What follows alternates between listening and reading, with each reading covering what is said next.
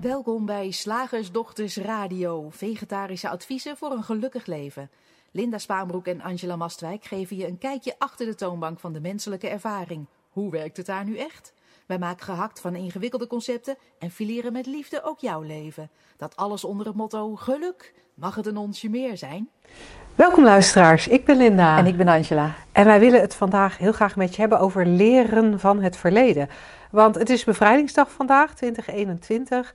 En ja, leren van het verleden is zo met dodenherdenking en bevrijdingsdag een actueel en, uh, en vonden wij ook wel passend onderwerp. Want het lijkt, um, het lijkt vaak heel logisch dat je lering moet trekken uit wat er in de geschiedenis is gebeurd. Ja. Al die dingen die we absoluut niet meer willen, daar, daar moeten we toch van leren. Daar moeten we toch steeds aan herinnerd worden om ervoor te zorgen dat het niet meer gebeurt. Ja. Nou, en wij wilden vandaag eens met je mijmeren over dat gegeven en het, en het bekijken vanuit grounding in die drie principes. En daarmee hopen we eigenlijk ook leren van het verleden een lichter onderwerp te maken. Ja, dat want, zou fijn zijn. Ja, want vandaag is het bevrijdingsdag en dan, dan gaat leren uh, over, van het verleden gaat natuurlijk eigenlijk altijd over oorlog, ja. de jodenvervolging, ja. um, fout zijn in tussen aanhalingstekens mm, in de oorlog, onderdrukking. Moord, doodslag en verraad. Ja. ja. Elkaar verlinken. oh.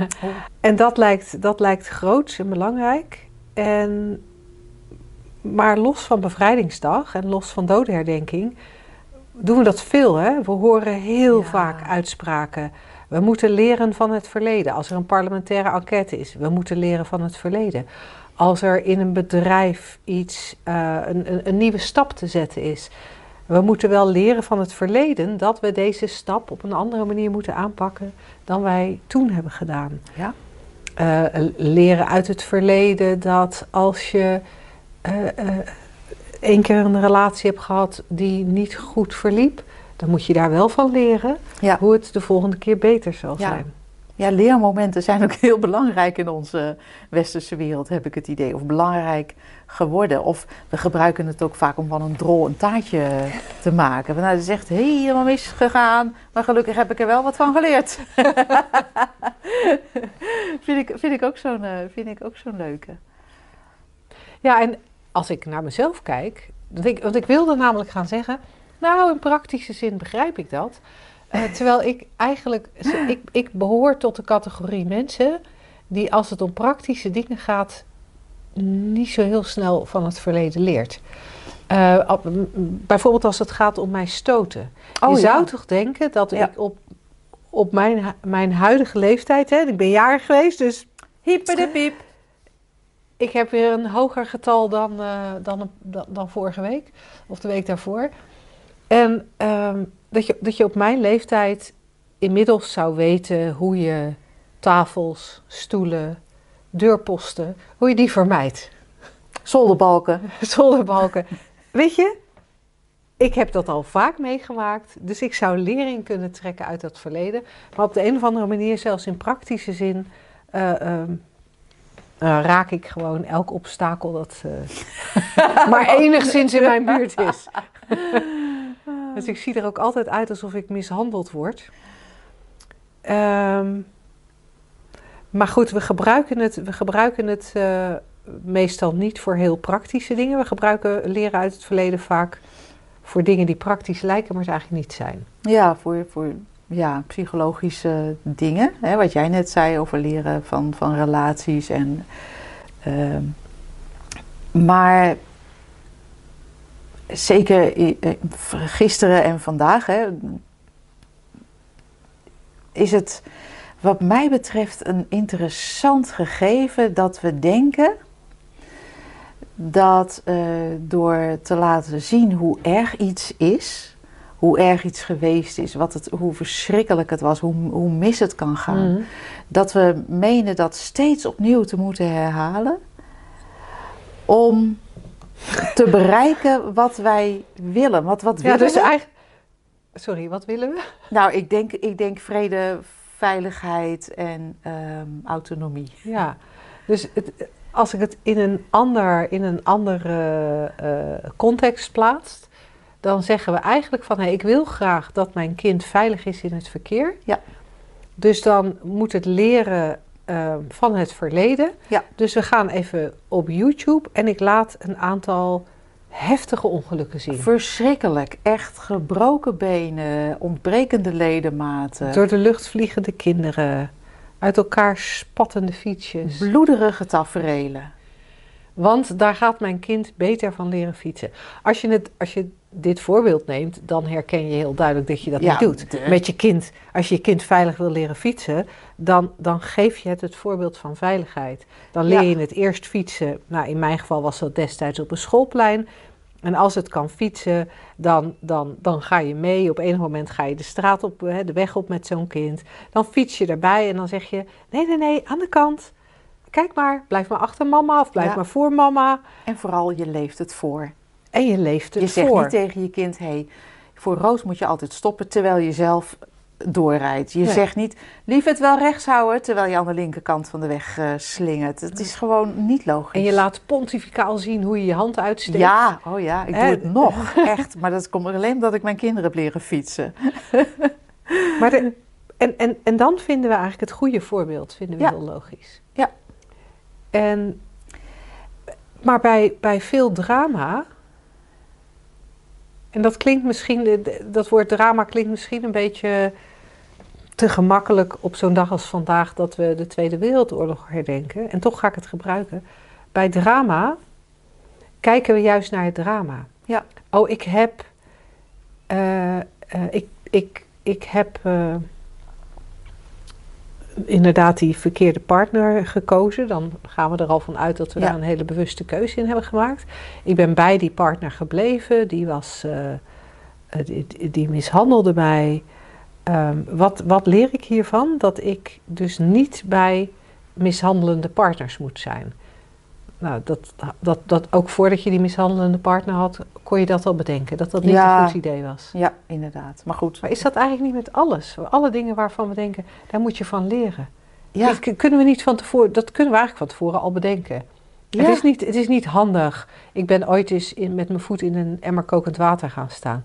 Dat wist ik echt wel, ja, dat dat niet handig ja. was. dat gebeurt wel eens. Weet je, we doen allemaal wel eens iets wat, wat niet zo handig is. Dat gebeurt gewoon in het leven. Dat geeft niet. Hoeven we ons niet schuldig over te voelen. Want het is simpelweg eh, wat zich voordoet. Onderdeel van de menselijke ervaring.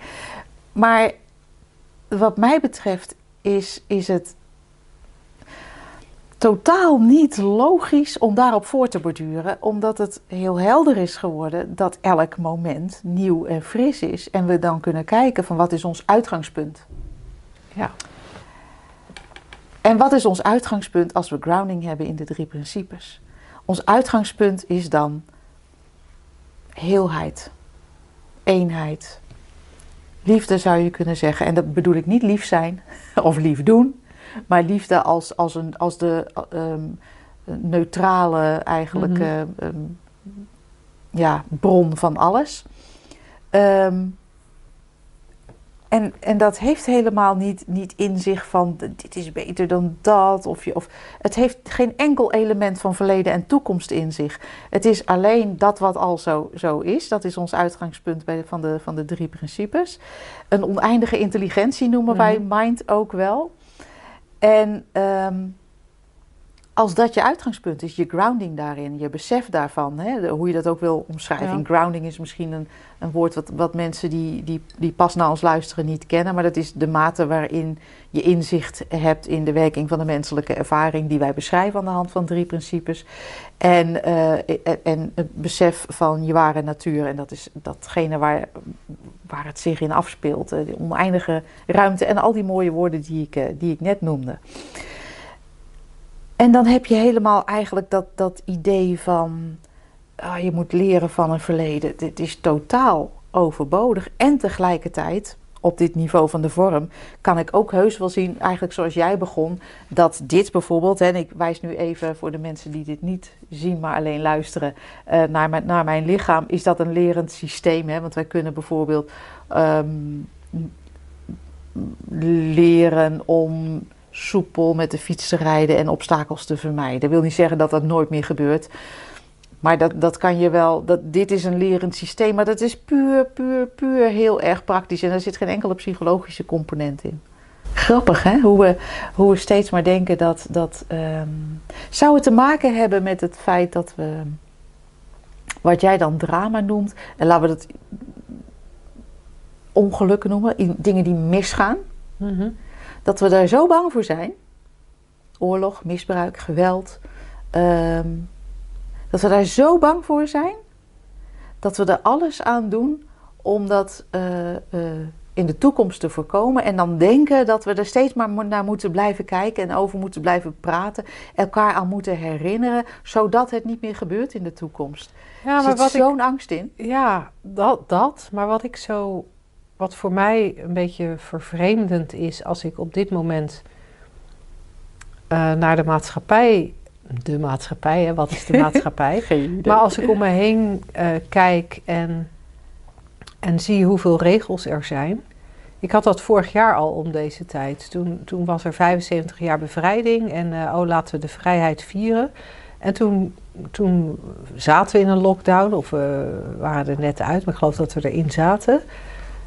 En, en daar heb ik nu weer een beetje, dat ik denk, ja, we hebben het over vrijheid, terwijl er heel veel regels zijn. En uh, een heel aantal van die regels doet mij denken aan dat wat wij vandaag vieren, het einde van de Tweede Wereldoorlog. Het doet mij denken aan de Tweede Wereldoorlog. En als je dat dan, als je dat dan zegt, als je dat hardop durft te zeggen, zoals ik nu doe, dan wordt dat heel snel weggewuifd. Nou, dat kan natuurlijk. Hè. Iemand anders kan, daar, kan die associatie niet hebben. Ja. Uh, mijn kinderen zeggen dan, nou ja, mam, ik snap wel waarom je de associatie maakt, maar ik vind de, vind de associatie veel te sterk. Snap ik ook. En, en, en tegelijkertijd is het voor mij een soort aanwijzing dat dat wat we willen bewerkstelligen, vrijheid, dat dat, dat, dat er in een, op een ander moment weer anders uitziet. Ja, want we denken dan van, oh ja, vrijheid is de, de, het einde van de oorlog. Maar vrijheid is, is helemaal niet uh, een einde aan, aan de oorlog of, of, elke ander, of welke andere vorm dan ook. Vrijheid is wat, wat is in essentie. En inderdaad, als je probeert te leren van het verleden, dan herken je vrijheid misschien alleen als het einde van de oorlog. En ja, of zoals ik de associatie heb met geen regels die mij belemmeren om de straat op te gaan wanneer ik wil. Ja. Of geen regels die mij belemmeren om, om met mijn koor te zingen of naar een concert te gaan. Of te reizen. Ja. Dat is mijn associatie. Ja. En, en nu noem ik even de associatie met wat onvrijheid inhoudt. Jij noemde net de associatie met wat waar vrijheid in zou zitten. En ja, je merkt eigenlijk al dat, dat we op iets heel persoonlijks komen. ik, ik, noem een heel persoonlijk voorbeeld van, van wat er in mij opkomt als het gaat om, om regels. En, en daar heb ik een associatie mee die voor, veel, voor, voor andere mensen in mijn omgeving een te heftige associatie is. Dus heel persoonlijk. Mhm. en, en dat is logisch, want in de vorm, in, in, in dat wat we waarnemen, dat, dat is al heel snel heel persoonlijk. En in dat persoonlijke daar zit per definitie geen vrijheid. Nee, want je zit dan namelijk gevangen in het persoonlijke. En in het persoonlijke vraag ik mezelf af, hè, we hebben het over leren uit het verleden. In het persoonlijke vraag ik me af of we überhaupt van het verleden kunnen leren. Omdat het verleden ook een persoonlijke waarneming is, een persoonlijke interpretatie, een persoonlijke herinnering. Ja. Het verleden, ik, ik kan het verleden nu niet als in zijn volle waarheid ervaren. Ik heb soundbites uit het verleden. Ja, het, het, het, het kan echt werkelijk niet. We kunnen herinneringen herbeleven. Zoals, zoals mensen die, die in de, de oorlog hebben meegemaakt en een trauma hebben opgelopen. Die, dat zijn herinneringen die je kan herbeleven. Maar dat is eigenlijk een, dat is gewoon een, een gedachte die, die, uh, die je in dit moment oproept. Ja, en, en dan zou het nog een, een soort van herhaling kunnen zijn van een Ja. gedachte van toen. Ja. Maar zelfs toen was het een gedachte, hè? Zelfs toen was het inderdaad een, eh, Dus je kunt een, een denkbeweging. Ja, je kunt een herinnering, als we toch die relatie weer erbij halen, dan zou je een herinnering kunnen hebben aan hoe slecht die relatie was. Je zou een herinnering aan, kunnen hebben waardoor je nu zegt: Oh, op dat moment had ik eigenlijk nee moeten zeggen waar ik ja zei. Of op dat moment had ik weg moeten gaan in plaats van blijven. Alleen dat moment, wat, wat 10, 20, 30 jaar na dato wordt aangewezen, dat moment is er nu niet meer. Dat moment kan nu alleen maar opgeroepen worden in gedachten. En, en zelfs toen was dat moment al een beleving in het moment en hoeft het helemaal niet de waarheid te zijn. Want ik kan, ik kan 30 jaar geleden geïnterpreteerd hebben dat ik bedreigd was, Ja. maar dat hoeft helemaal niet waar te zijn. Nee, dat is grappig, hè? Dat- ja, dat het altijd interpretaties eh, zijn.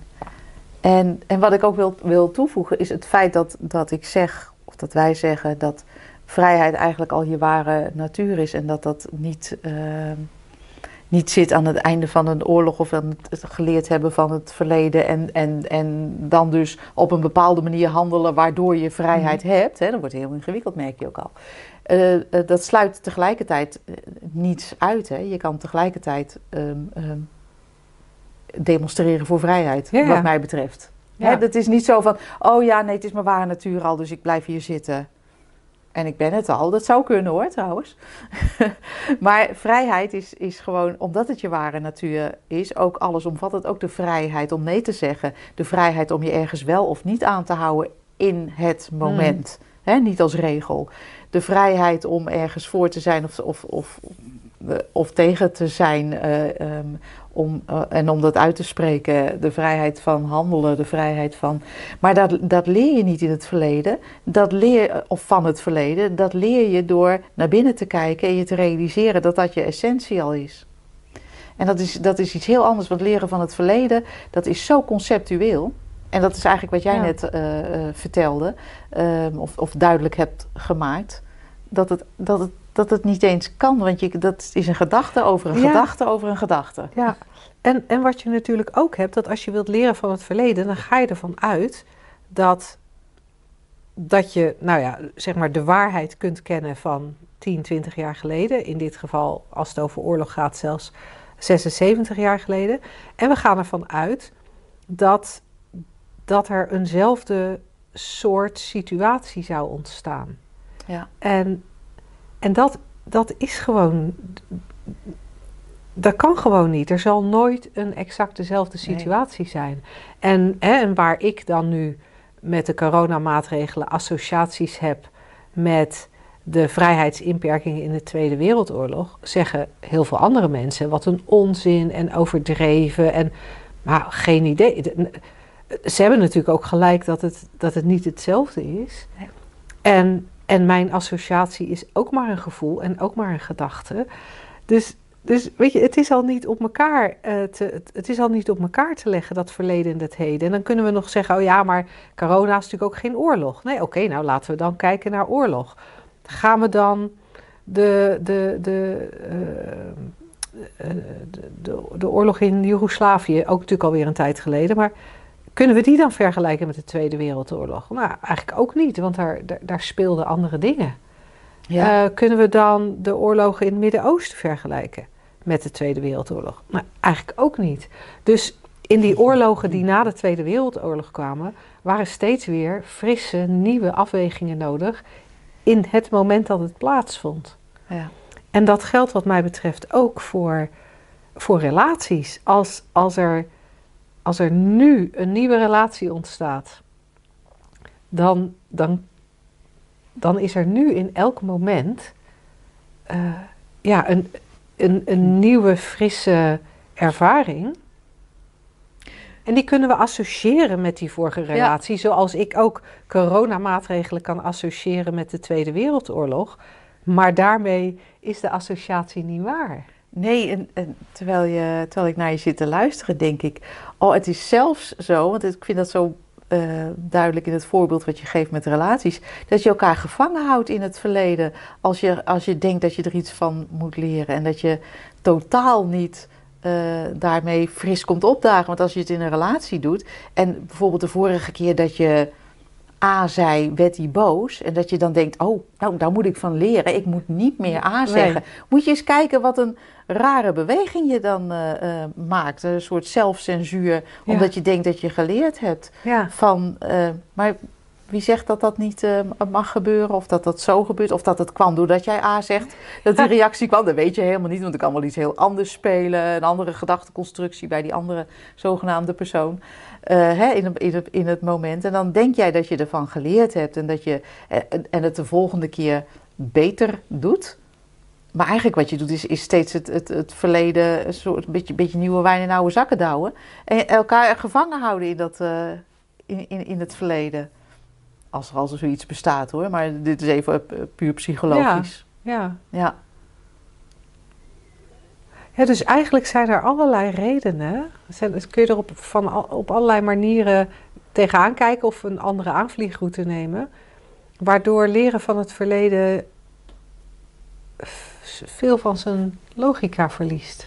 Ja, en, en de, de helderheid van dit moment, van het uitgangspunt van begrip van die drie principes, van dat het altijd nieuw is en altijd fris.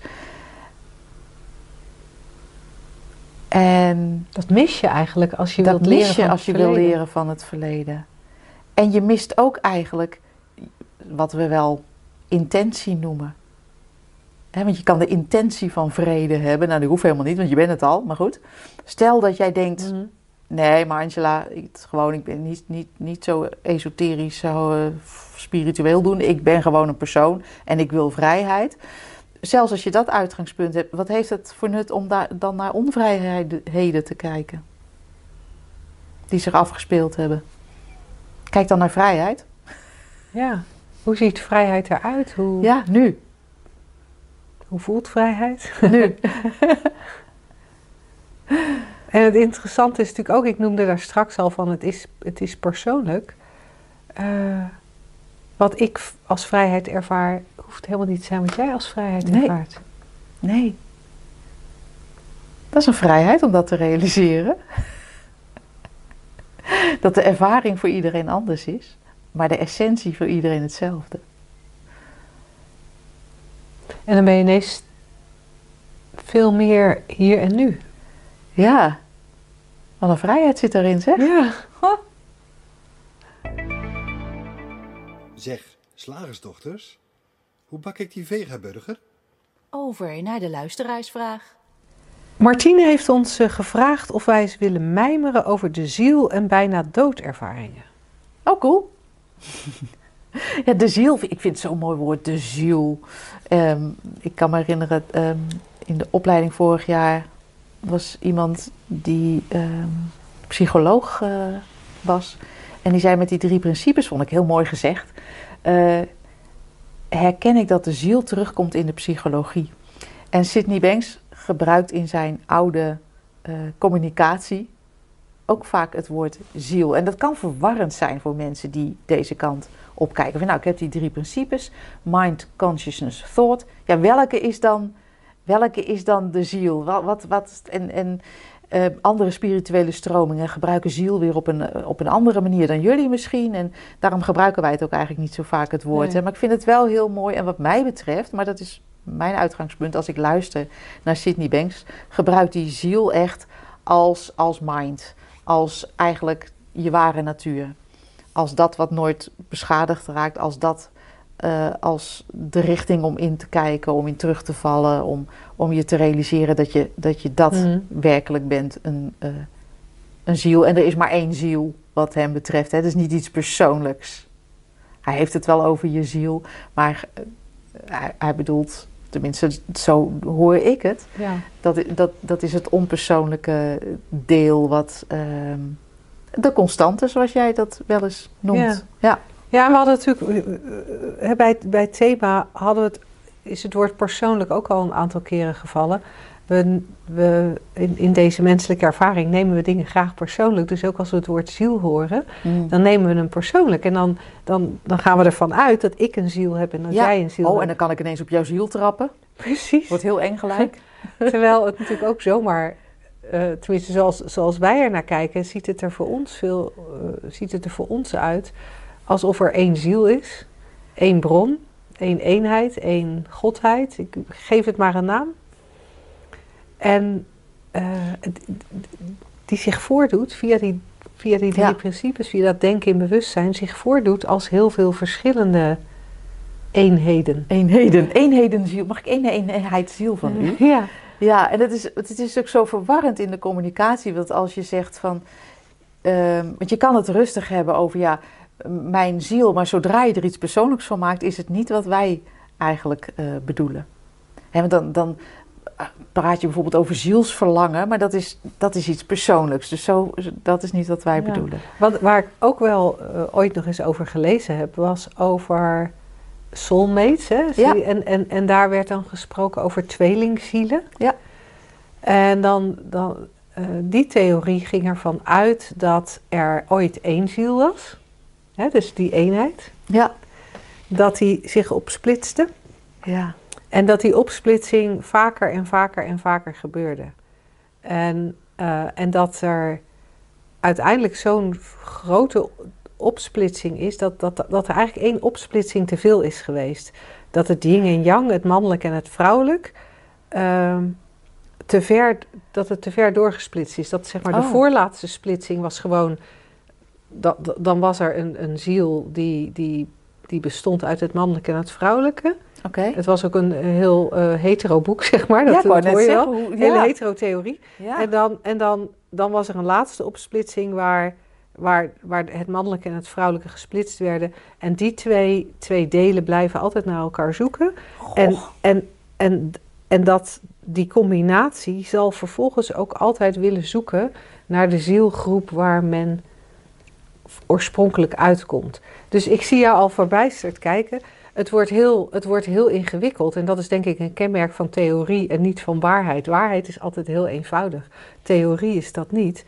Ehm, maar het, en het wordt ook heel ingewikkeld, want dan, dan kun je eigenlijk alleen maar compleet zijn als je je tweelingziel vindt. Dat moet dan precies de goede zijn. Oh, je bent gewoon fucked dan, gewoon. Doet een beetje denken aan eh, die Netflix-serie The One. Ik weet niet of jij die al gezien hebt. Dat gaat over dat, er, dat, dat je via DNA-matching Oh de ja, die enige ware partner kunt, oh man, kunt wat een vinden. gedoe dat is. En dat leverde heel veel gedoe op. En dat is met tweelingzielen natuurlijk precies Ja. hetzelfde. Want ja, Ja, hoe ik- kom je erachter dat het, dat het je tweelingziel is? En hoe moet dat dan voelen? Dus, maar even deze hele theorie over... Om, om- een beetje eh, zichtbaar te maken hoeveel theorie er is als we het persoonlijk maken. ja. Als we de ziel ook persoonlijk gaan maken. Ja. En, en, en, en, ja. en dan op gaan splitsen in van alles en nog wat. Dus eigenlijk is ziel, als we, het als we er iets persoonlijks van maken, van, van die ziel, hè, dan is dat eigenlijk een soort, net zoals dat je zegt van ja, ik, ik, ik, ben, ik heb een lichaam, ik heb een ziel. Nou, dat lijkt inderdaad zo te zijn, maar dat is allemaal vorm. Ja. En wij, dat, dat- is prima natuurlijk, want alle, alle, alle vorm is gewoon vorm.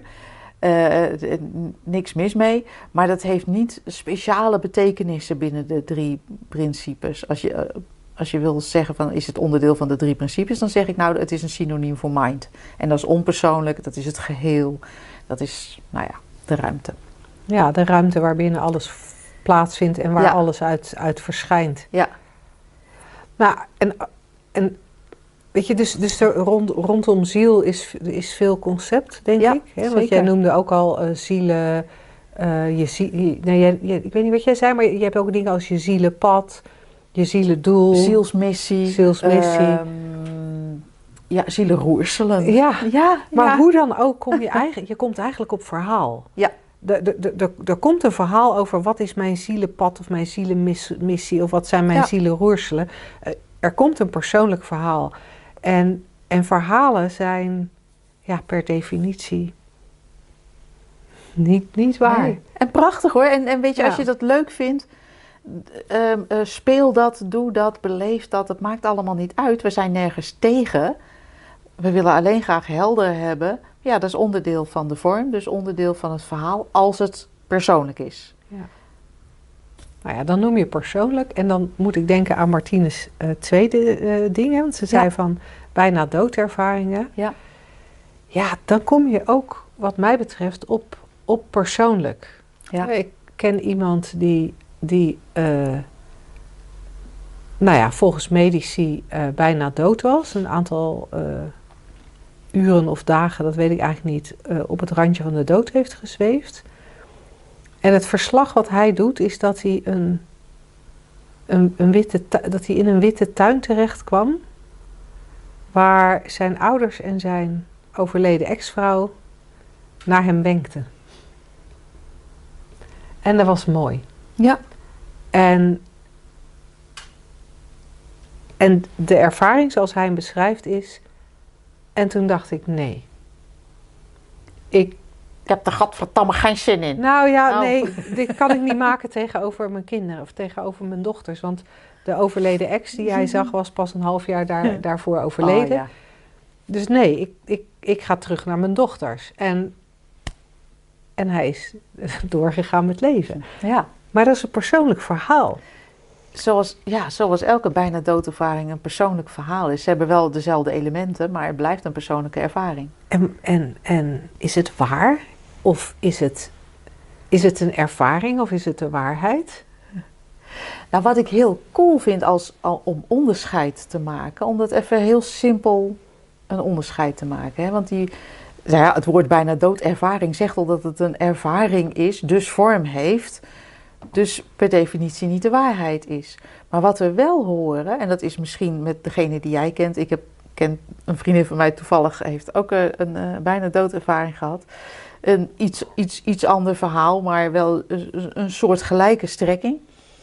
En, um, en dan denk ik, maar als we voorbij die ervaring uh, willen gaan, want we horen daar natuurlijk vaak uit van, oh, ik ben daarna helemaal veranderd, heeft mijn leven veranderd, ik durf nu eindelijk mijn zielsmissie uit ja. te voeren. Hè? Dan denk ik van, ik vind zo'n bijna doodervaring aan zich niet interessanter dan welke andere ervaring dan ook. Bijvoorbeeld kopje koffie drinken is ook een ervaring. Uh, uh, naar de bioscoop gaan is ook een ervaring. En, uh, een bommelding aan een, boord van je vliegtuig. Is ook een ervaring. Dus in dat opzicht vind ik hem niet interessanter of meer bijzonder dan welke ervaring dan ook. Want het is onderdeel van het menselijk ervaren. Aan de andere kant denk ik, er worden wel eens inzichten opgedaan. En die vind ik dan wel cool. En natuurlijk is eh, de verwoording van een inzicht ook alweer persoonlijk. Want we drukken het allemaal anders uit. Maar het is hetzelfde als bijvoorbeeld dat je na wat nu best populair is, uh, ayahuasca gebruik. Of, of, vroeger in de jaren zeventig was het dan, uh, deed je LSD. En dan kan je ook prachtige verlichtende ervaringen hebben en, en uh, spirituele ervaringen en weet ik veel. En dan denk ik, dat vind ik aan zich niet zo interessant. Maar er kan wel inzicht uit verkregen worden. Een, een, een inzicht uh, zoals wij eigenlijk ook uh, via die drie principes proberen uh, te verwoorden of te bewerkstelligen of daar ruimte voor te bieden, te faciliteren letterlijk. En dan denk ik, en dat vind ik wel cool. Alleen er is een soort, ja, die scheidslijn tussen van, is die ervaring nou belangrijk? Want het lijkt soms, oh, mensen kunnen daar uren, jaren, jarenlang over praten, over wat ze dan ervaren hebben. Net zo goed als een andere ervaring, een traumatische ervaring bijvoorbeeld. Mm. En ik denk, ik vind wat ik interessanter vind, is, is, een, is een inzicht uh, wat je daaruit haalt, wat gaat over het leven in zijn algemeen en niet over uh, uh, specifiek die, die, die ervaring. En dan hoor je wel eens hele mooie dingen gezegd, bijvoorbeeld het besef. En dat gaat dan weer, dat haakt heel erg aan wat we met die drie principes communiceren. Ik ben veilig. Ik ben oké. Okay. Um, en dan ik als het geheel. Hè? Mm. ja, noem nog eens iets wat, wat, een, wat eruit kan wat verwoord kan worden, wat, wat een dat de verwoording kan zijn van een heel diep eh, inzicht. Ja, ik heb ook Ehm. wel, wel eh, dat was dan niet iemand die ik kende, maar eh, over gelezen, die eenheid ervaarde. Ja, Die, die, die Precies. ervaarde dat het persoonlijke wegviel. Wat natuurlijk grappig is, hè? ik ervaar dat het persoonlijke wegvalt. Dat, Ja. dus, dus dat, dat, dat kan natuurlijk eigenlijk niet.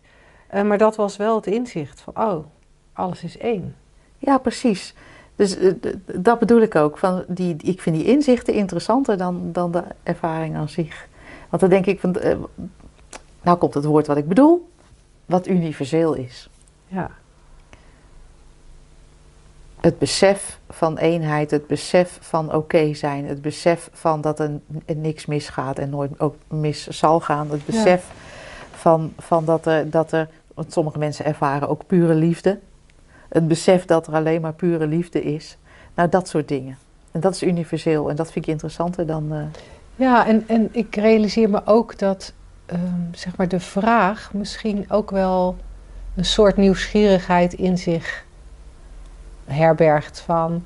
Goh, wat zeggen de drie principes over ziel? wat Oh, zeggen ja, de drie ja. principes over bijna doodervaring?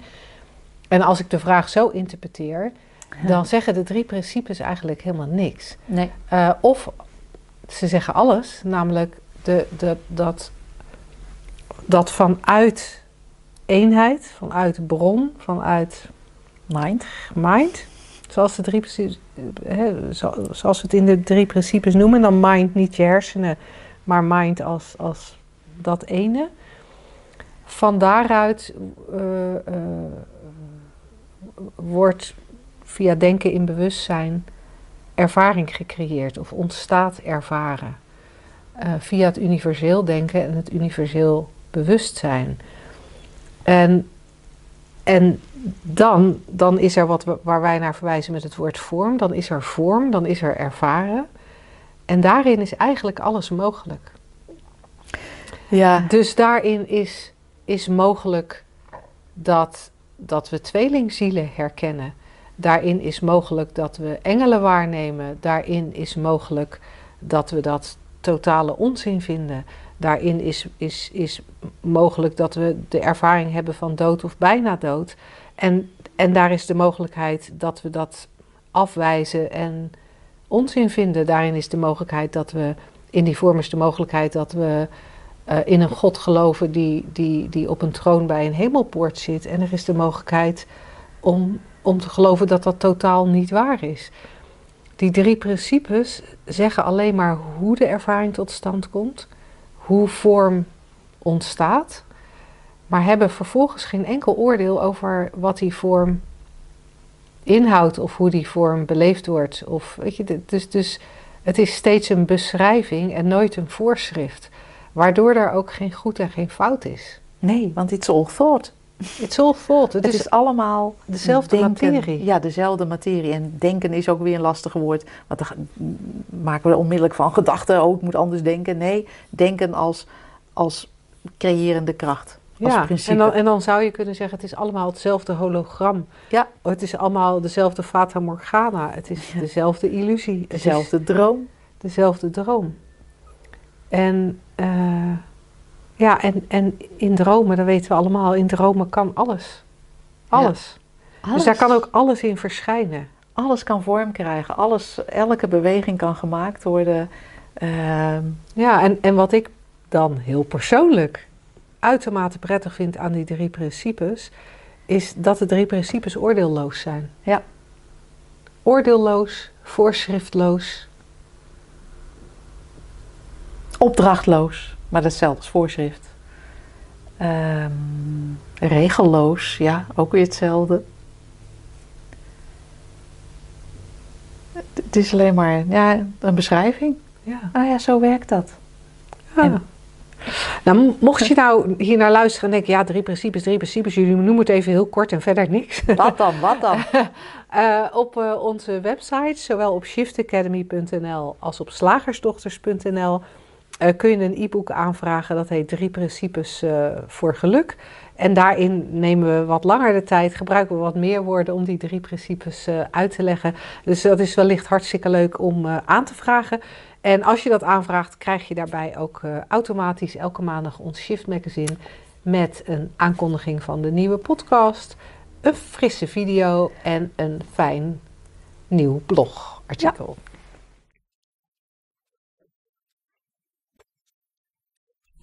Het concept van vandaag is: dit vergeet je nooit meer. Oh, leuk. Dat zeggen we dan vaak bij grootste gebeurtenissen. Hè? Uh... Ja.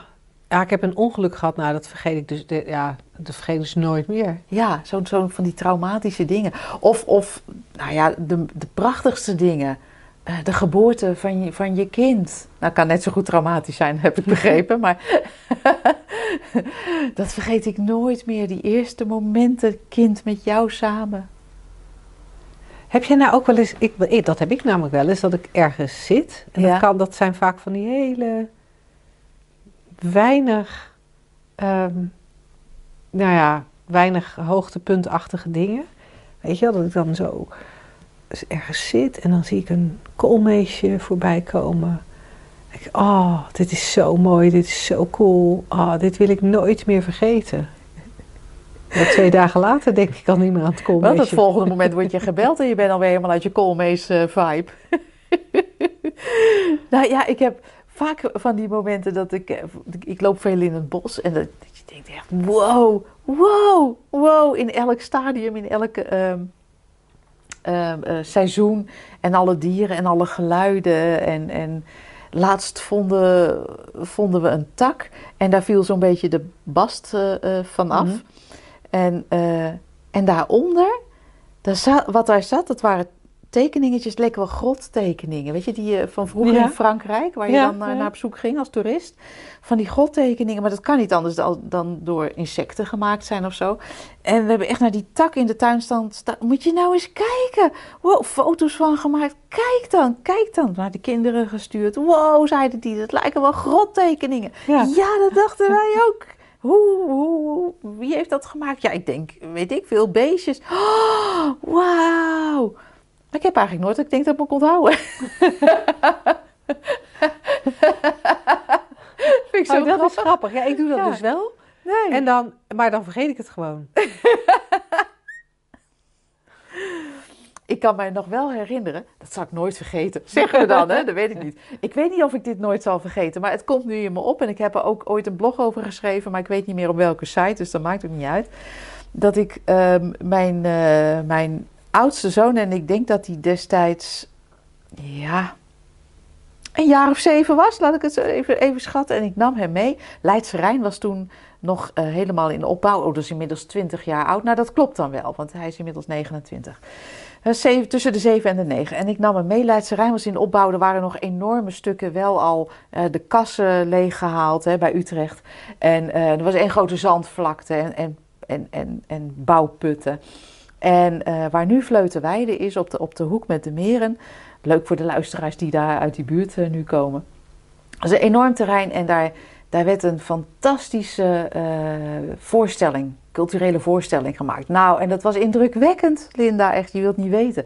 Ze hadden podium, of, noem je dat, tribunes gebouwd waar wij dan op zaten. En dat was s'avonds in het donker, met van die zoeklichten. En er gebeurde van alles, fantastische acteurs en grootse...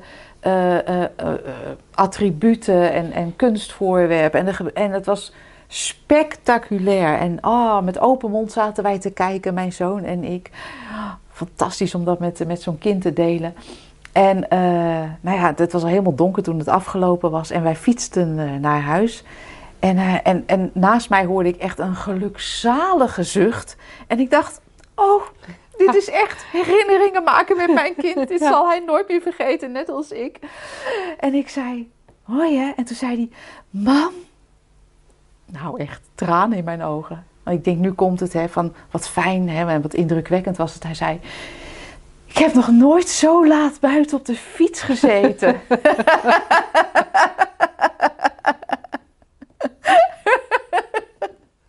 Dan ga je met je dure kaartjes. Nee, maar, dat weet ik helemaal niet meer. Maar ik vond het echt zo schattig. Dat was voor hem. En op dat moment heeft hij misschien gedacht: dit ga ik nooit meer vergeten s'avonds om 12 uur, of het was misschien wel 1 uur, op de fiets zitten. Dat was zo bijzonder. Ja. Nou, en ik kan je garanderen, hij is inmiddels 29, dat hij nog duizenden keren midden in de nacht op de fiets heeft gezeten. Misschien wel onder de invloed van het, van het een of het andere. En dat hij dan niet meer dacht, "Ah, s'avonds op de fiets, zo laat in het donker. Ja, Ja. leuk hè? Ja, en wat ik ook interessant vind aan, aan Wat zo'n was het concept? nou, aan zo'n concept als dit zul je nooit Oh ja. vergeten. Ja. Ehm, wat, is, wat, is onze, wat is onze belangstelling voor het onthouden van dingen? Ja. Waarom willen we dingen vasthouden? Nou, dan komen we weer prachtig terug natuurlijk bij het onderwerp van deze radioshow.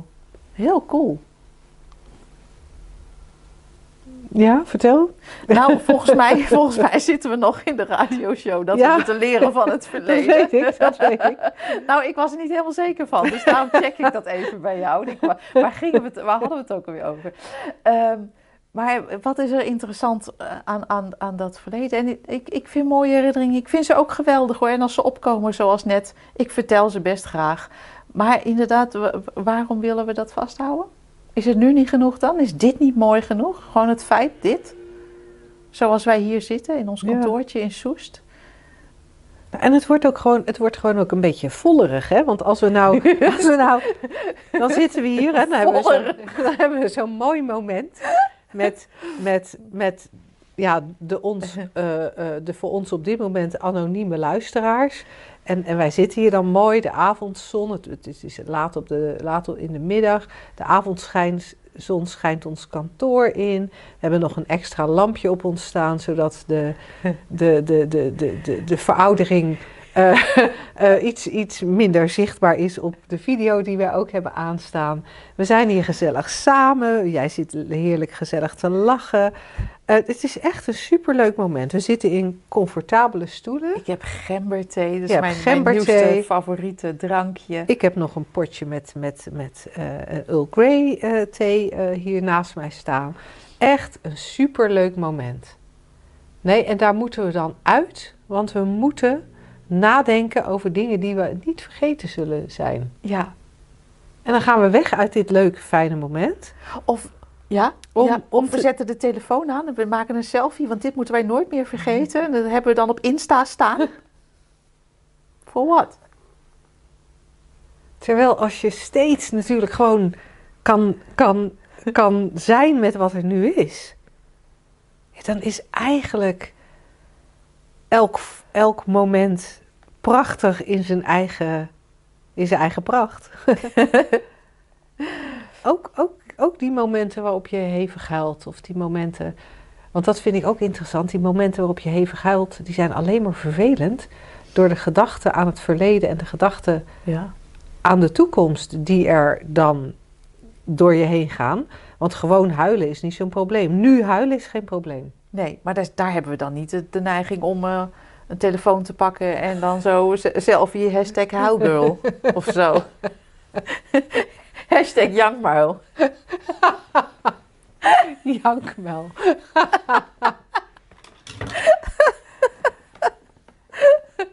Dat dan weer niet. Dit zal ik nooit vergeten, deze huilbui. Even op Insta zetten. Hashtag ha- jankmuil. Ja, Nee, ik moet wel mo- groots, mooi en meeslepend zijn. Wat eigenlijk van zichzelf dit al is, hè, in elk moment. Ja, dat ja. heb je net denk ik prachtig en, beschreven. en eigenlijk wat we eigenlijk doen met zo'n uitspraak als dit zul je nooit vergeten.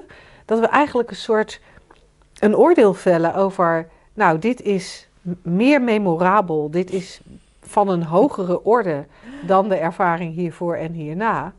En, en daar zit volgens mij een misverstand. Ja, Daar zit een misverstand. ja, en ook een, een, een, een grote kans op lijden. Ja, met een lange ei. Met een lange Ja. ei. Ja, Ernstig lijden.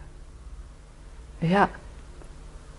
Ik denk dat we het hierbij gaan houden. Ik heb het zojuist Heel over verstandig. eten gehad en ik voel echt in dit moment opkomen. Enorme honger.